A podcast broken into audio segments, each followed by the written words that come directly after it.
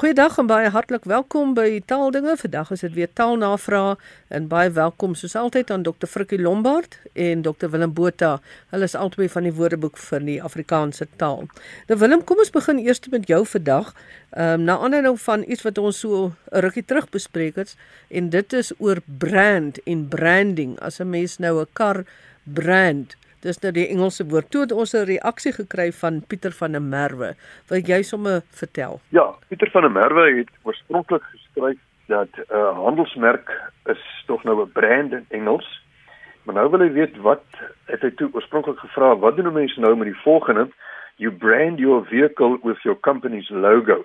En hy het toe gesê dat hy het 'n uh, advertensie gesien waar 'n promosiemaatskappy sê dat hulle jou voertuig of besigheid kan brandmerk. Nou as dit kan tog nie reg wees nie. Hoe kan ons dit nou in Afrikaans doen? Nou die interessante ding is dat daai brandmerk eintlik teruggaan na die die herkoms van die woord. Brandmerk is wat boere doen met die beeste, jy brand hom met die warm yster en dit is ook later jare gedoen, vroeër jare gedoen ten minste dan nou met handelsprodukte, die kuste en die vate waarin die produkte was, is met 'n warm yster gebrand. So daai handelsmerk het brandmerk het, het voortgeleef ook in die handelswêreld en dit is waarskynlik wat hierdie maatskappy probeer. Hulle probeer dit weer laat herlewe die, die oorspronklike betekenis. En nou het ek intussen 'n skrywe gekry van Skalk Leroux wat sê maar kan ons nie daai betekenis so laat herleef in Afrikaans nie? Kan ons nie brandmerk vir die Engelse werkwoord brand of branding gebruik nie? Ek het laas voorgestel dat ons net eenvoudig merk gebruik. Want merk in die Woordeboek van Afrikaanse taal word as sinoniem gegee vir handelsmerk, maar is ook 'n werkwoord. Jy merk jou vee as jy hulle brandmerk uh, met die boer se voorletters of met die boer se logo. En toe het ek voorgestel dat ons miskien maar praat van 'n gemerkte voertuig vir 'n branded vehicle. Maar toe kry ons nou ook 'n baie interessante bydrae van Tom McLaughlin wat sê dat uh, vir branding met hulle jare lank by Unisa gebruik handelsmerkgewing en om te brand die werkwoord kan ons in Afrikaans sê volgens Geldenhuys verdien en smoek. Se sakewoordeboek van 'n handelsmerk voorsien of van 'n handels die, die handelsmerk voorsien is nou vir produk of vir die instansie van 'n handelsnaam voorsien en dan branded goods is handelsmerk goedere. En toestel hy voor dat ons miskien praat ala Geldenhuys en smoek verleen van 'n handelsnaam voertuig. Dit is wat ehm um, Magdalene oor gepraat het oor die branded vehicle van die SAIK so dan 'n uh, handelsnaamvoertuig of 'n handelsmerk voertuig. So dit is die verskillende opinies wat ons het. Persoonlik uh, hou ek van gemerkte voertuig, maar hier is nou ook ander moontlikhede. En dan het uh, Tom McLaughlin ook kommentaar gelewer op iets wat ons uh, in 'n vorige program hanteer het. Iemand het gesê hou nie baie van die uitdrukking om in te lê nie as jy laat slaap of laat lê nie. Ek het toe gesê ek hou self ook nie baie daarvan nie gebruik dit nie maar ek kan nie eintlik sien dat dit verkeerd is nie maar intussen het Tom McLaughlin dalk 'n uh, baie mooi kommentaar opgelewer gesê maar kyk hy het in die Engelse woordeboeke gaan kyk en to lie in is 'n werkwoord in Engels en dit beteken to stay in bed after the normal time for getting up nou as ek selfstandige naam word lie in en 'n lie in is when you rest by staying in bed later than usual in the morning.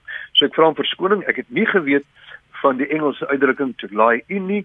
So om in te lê is dan eintlik 'n navolging van die Engels. Is redelik goed gevestig, maar ons sou kon sê dat die meer korrekte op die oomblik is om laat te slaap of laat te lê. Baie dankie. Frikkie, ons gaan na jou toe. Ehm um, dit is 'n luisteraar, 'n baie getroue luisteraar wat vir ons gesê het dat hy is nie gemaklik met die woord nasie wat ons gebruik nie.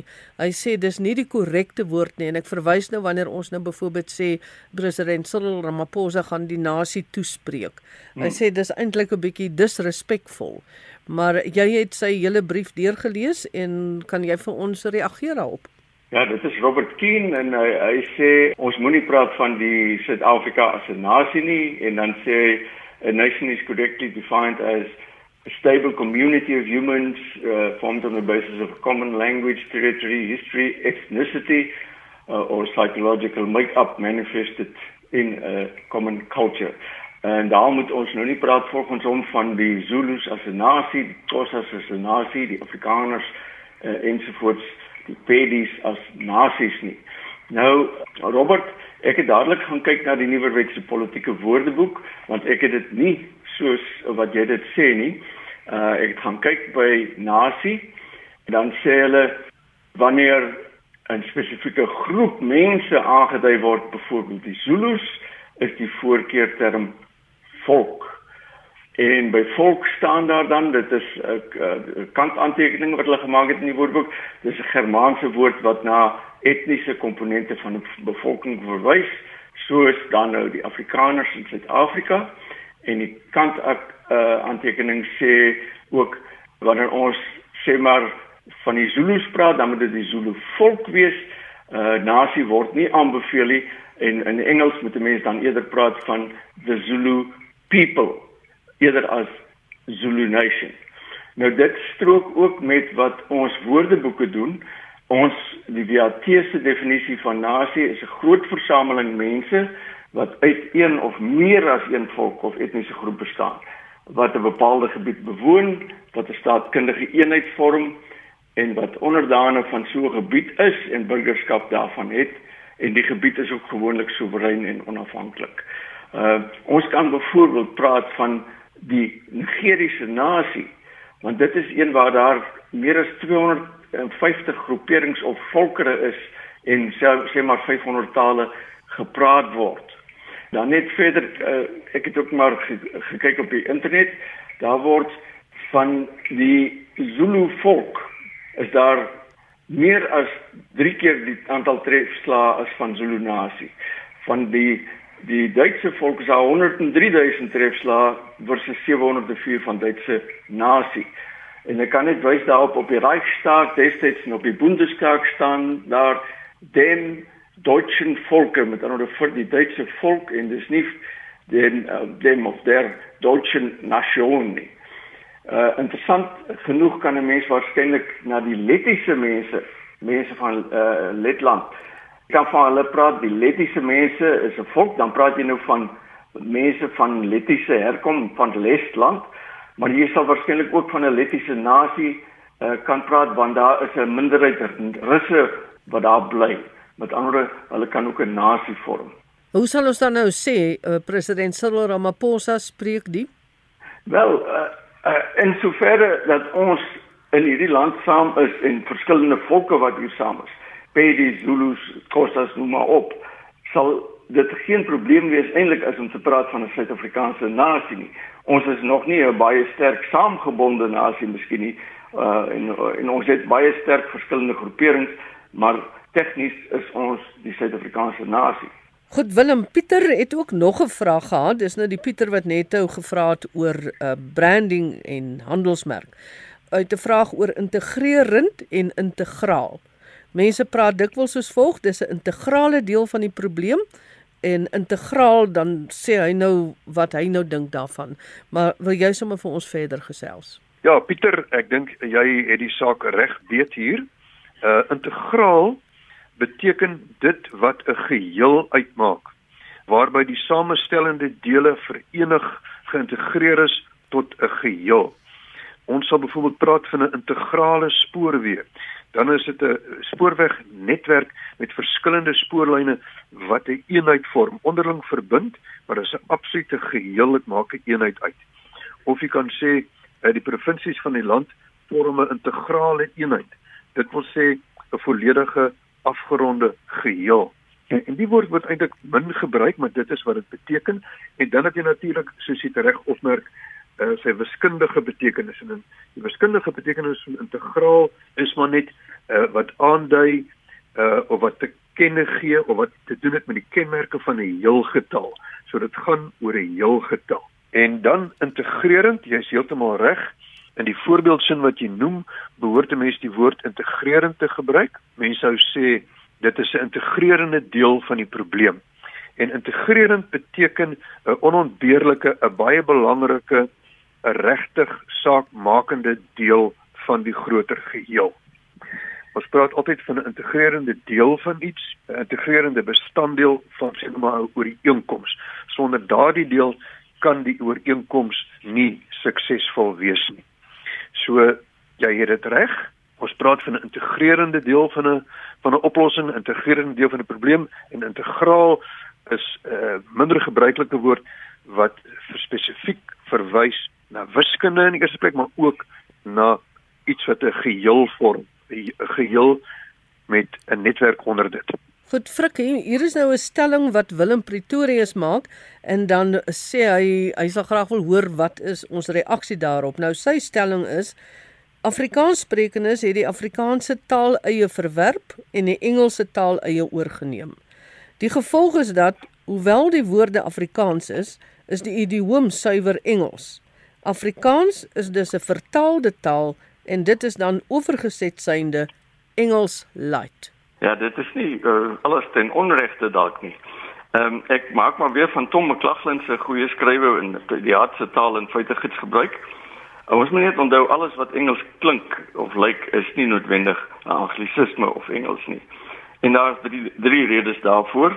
Afrikaans en Engels is natuurlik albei Germaanse tale wat ook baie albei word baie ook geleen by Romaanse tale. En natuurlik Afrikaans en Engels bestaan al twee eeue of amper langer naas mekaar in Suid-Afrika. Dit is onvermydelik dat hulle mekaar gaan beïnvloed. Ons weet almal van die Engelse wat sê it was lekker. En as ons in Afrikaans antwoord ja dit was baie nice. So jy weet ons ons leer maar so by mekaar. Maar dit is die nie waarskynlik die goed wat die wat uh, tot uh, uitkalwing van 'n taal as dit ware lei nie dis wanneer 'n taal sy eie unieke manier van sê as dit ware verloor En anglisismes kan woorde wees, dit kan frases wees, uitdrukkings wees, sekswyse, selfs uitspraak uh, wat wesentlik Engels is, maar wat dan voorgee om Afrikaans te wees. So dit is dit is eenvoudig so dat die feit dat ons uh mense kry wat Afrikaans met 'n Engelse onderbou praat is dikwels mense wat Afrikaans sprekend is en in 'n oorwegend Engelse omgewing werk en wat later sukkel om hulle goed in Afrikaans uit te druk. En dan kry jy sulke soort van bousels soos hy was die eerste in die familie om hom as medikus te bekwam wat nou die Engels is, he was the first uh, in the family to qualify as a medical practitioner. In plaas van hy was die eerste in die familie wat hom as medikus bekwam het. Sulke goed is so ingeburger deur veelvuldigheid van gebruik dat dit later nie meer amper as 'n fout gesien word nie. Daarom vind ons ook dat mense gedurig praat van angstig wat eintlik te doen het met angs wanneer hulle eintlik gretig bedoel en so kan 'n mens aangaan. En ons kan oral anglisismes uitwys. Partykeer is dit ook 'n modeverskynsel vir jong mense. Hulle praat so 'n stuk Afrikaans en dan is daar sommer so norring Engelse woorde tussenin. Ehm um, wat miskien dui op 'n vorm van taal luiheid en 'n mens moet miskien tog bietjie waak daarteen dat Afrikaans maar sy eie idiomatiese aard behou soos Engels sy eie idiomatiese aard ook het. Willem Tommy Snibbe vra dat ons sal gesels oor die woord pandoer en sy herkoms. Hy wil ook weet of ons die woord gatgogga ken. Die Pandure was soldate wat tot die Khoi behoort het en wat veral onder die Verenigde Oos-Indiese Kompanjie in die Kaapkolonie diens gedoen het. Nou die eenheid is gestig in 1793 toe die Nederlanders besef het dat 'n aanval van die Engelse is 'n dreigende gevaar. Die Engelse was veral daai tyd in oorlog met Frankryk en Frankryk was 'n bondgenoot van Nederland. En toe het hulle baie hastig probeer om 'n bietjie meer weerstand in die Kaap op die been te bring en hulle toe uh, van die Khoi mense gevra om aan te sluit by hulle mag. En interessant is dat daar was twee vereistes. Om te kwalifiseer as 'n pandoer moet jy Nederlands kan verstaan het en jy moes die snaphaan kon gebruik het. En die snaphaan was die geweer van daardie tyd. En toe in 1795 toe was die Britte daar met 'n geweldige die slag van Muizenberg en daar het 150 pandoere 'n uh, eh, diens gedoen saam met die burgers. Hulle het verloor, die Kaap is toe Engels geword in uh, eh, 182 het Engeland afstand gedoen uh, van die Kaap en 1860 het die Kaap weer geannexeer met die slag van Blouberg. Toe van 186 af was die Kaap nou weer Engels en toe het die Engelse bewind weer 'n Pandore regiment van Pandore gestig en hulle het op die oosgrens van die Kaap diens gedoen in die grensoorlog. So die Pandore het het 'n lang geskiedenis. Nou uh Pandore se tweede betekenis is 'n kaartspel waarin die persoon wat die eerste 'n sekere kombinasie kaarte kry en die woord pandoer sê, die hand wen. Nou, waar kom die woord pandoer vandaan? Ons kry dit uit Nederlands, maar dit kry uit Frans, pandoer, 'n tipe soldaat of 'n gewapende dienaar is eintlik die die korrekte betekenis van die woord en dit kom uit Kroaties of Hongaars pandoer en is gebruik om te verwys na 'n spesiale groep soldate wat die grensdistrikte van Europa teen Turkse invalle moes beskerm. En hierdie pandoere van daardie tyd, daardie eenheid is omtrent in 1741 gestig. En hulle was 'n berig vir hulle wreedheid, maar hulle was ook besonder vinnig bewegend. Nou die kaartspel word waarskynlik so genoem omdat die soldate dikwels die tipe spel gespeel het. So daarom het die kaartspel ook die naam Pandoer gekry. Nou sy vraag oor uh Gatgogga. Hy sê hy ken twee betekenisse vir Gatgogga. Die eerste naam Gatgogga verwys na 'n groep goggas wat in die grond bly, wat in gate bly. Nou ek ken dit nie, maar dit is 'n sekere algemene beskrywing vir sodanige goggas. En 'n tweede betekenis sê hy by sy oupa geleer sê, sy oupa het enigiemand 'n gatgogga genoem wat volgens hom van 'n twyfelagtige karakter was of miskien 'n verskuilde agenda gehad het. Nou, Tommy, ek het gaan kyk in die WAT se materiaalversameling en ons het wel gatgogga in ons versameling en dit is in 'n kruiperige of 'n vleierige persoon. En dit sluit dan ook aan by die woord gatkruiper. Nou ons het uh, opnames uit Swyse-Rynike en ook uit Priska. En Priska sê die mense beteken uh, dit 'n agteraf persoon. Maar ons het ook voorbeelde van gatvlieg. En gatvlieg het minstens meer dieselfde betekenis. Dis 'n 'n lastige persoon, iemand wat jou baie pla. Maar 'n gatvlieg is ook 'n perdevlieg, 'n vlieg wat letterlik onder 'n perd se stert sit en daai het nog 'n betekenis ontwikkel vir gatvlieg naamlik iemand wat 'n draadsitter is wat nie standpunt inneem nie. Iemand wat is soos 'n perdevlieg uh, wat nou onder die een perd se stert sit en dan weer onder die ander perd se stert 'n uh, draadsitter. Frikkie Pieter Bosman hy sê so in die gees van die tyd het hy nou gewonder oor die oorsprong van die woord ent soos in entstof. Daar's 'n hele klomp ander betekenisse en seker ook herkomste van ent sê hy, maar die alternatiewe woord vaksine wat hy glo amper nooit gebruik word nie, se herkoms is makliker om te kry. Hy sê mense kan ook seker kyk na teenmiddel en antidoot. Nou ja, antidoot het nou 'n ander betekenis. Maar Frikkie, sal jy vir ons die entstofroete vat? Ja. Uh nou ent kom uit die Nederlandse werkwoord enten gewoon Dit kan wees dat jy iets oor dit kom as 'n werkwoord vir oorplant op 'n ander plant laat voortgroei op iets anders of 'n entstof toedien om 'n siekte te voorkom.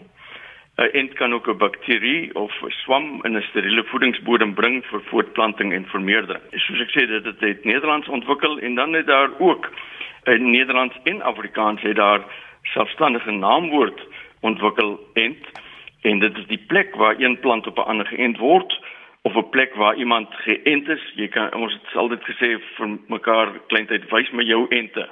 Jy weet waar ons nou vir masels of wat ook al ingeënt is. En natuurlik 'n ent kan ook 'n entstof wees. Dis maar net ent plus stof. En soos ek sê, dit het ons gekry in Nederlands en Afrikaans en dit het ontwikkel uit die werkwoord om te ent. Nou wat interessant is van die vaksin, ons sal waarskynlik praat van vaksin, vaksine is 'n ouer vorm. Uh Latyn Willem, ek weet nie of ek dit reg gaan uitspreek nie, praat van vaccinus, vaccinus, 'n CC uh van vacca wat koei beteken. Is ek reg omtrent met die uitspraak? Uh, ja, die, die ja, vac, vaccina.